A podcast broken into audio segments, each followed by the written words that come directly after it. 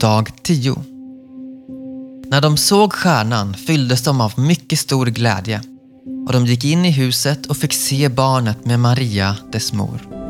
Då föll de ner och tillbad honom och de öppnade sina skattkistor och bar fram gåvor till honom. Guld, rökelse och myrra.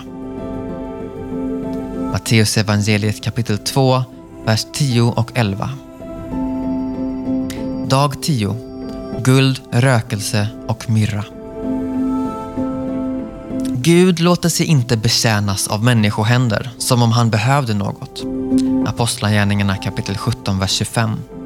De vise männens gåvor kommer inte som bidrag eller välgörenhet. Det skulle vanära en monark om utländska besökare kom med kungliga hjälppaket. Dessa gåvor är inte heller avsedda att vara mutor. Femte Moseboken 10, vers 17 säger att Gud inte tar mutor. Men vad betyder de då? På vilket sätt är det tillbedjan? Gåvor som ges till välbeställda, självförsörjande människor är ett eko och en förstärkning av givarens önskan att visa hur underbar mottagaren är. Att ge gåvor till Jesus är på ett sätt som att fasta.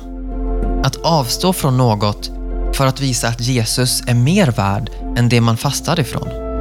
När du ger en sådan gåva till Herren är det ett sätt att säga den glädje jag strävar efter och lägg märke till Matteus evangeliet 2, vers 10. När de såg stjärnan fylldes de av mycket stor glädje. Den glädje jag strävar efter är inte hoppet om att bli rik genom att bedriva byteshandel med dig. Jag har inte kommit till dig för det jag kan få, utan för dig själv. Och för denna önskan förstärker och visar jag nu genom att ge upp dessa saker i hopp om att njuta mer av dig. Genom att ge dig vad du inte behöver och vad jag kanske tycker om säger jag nu mer uppriktigt och mer äkta. Det är du som är min skatt och inte dessa ting. Jag tror att detta är vad det innebär att tillbe Gud med gåvor av guld och rökelse och myrra eller vad det nu kan vara som vi tänker ge till Gud.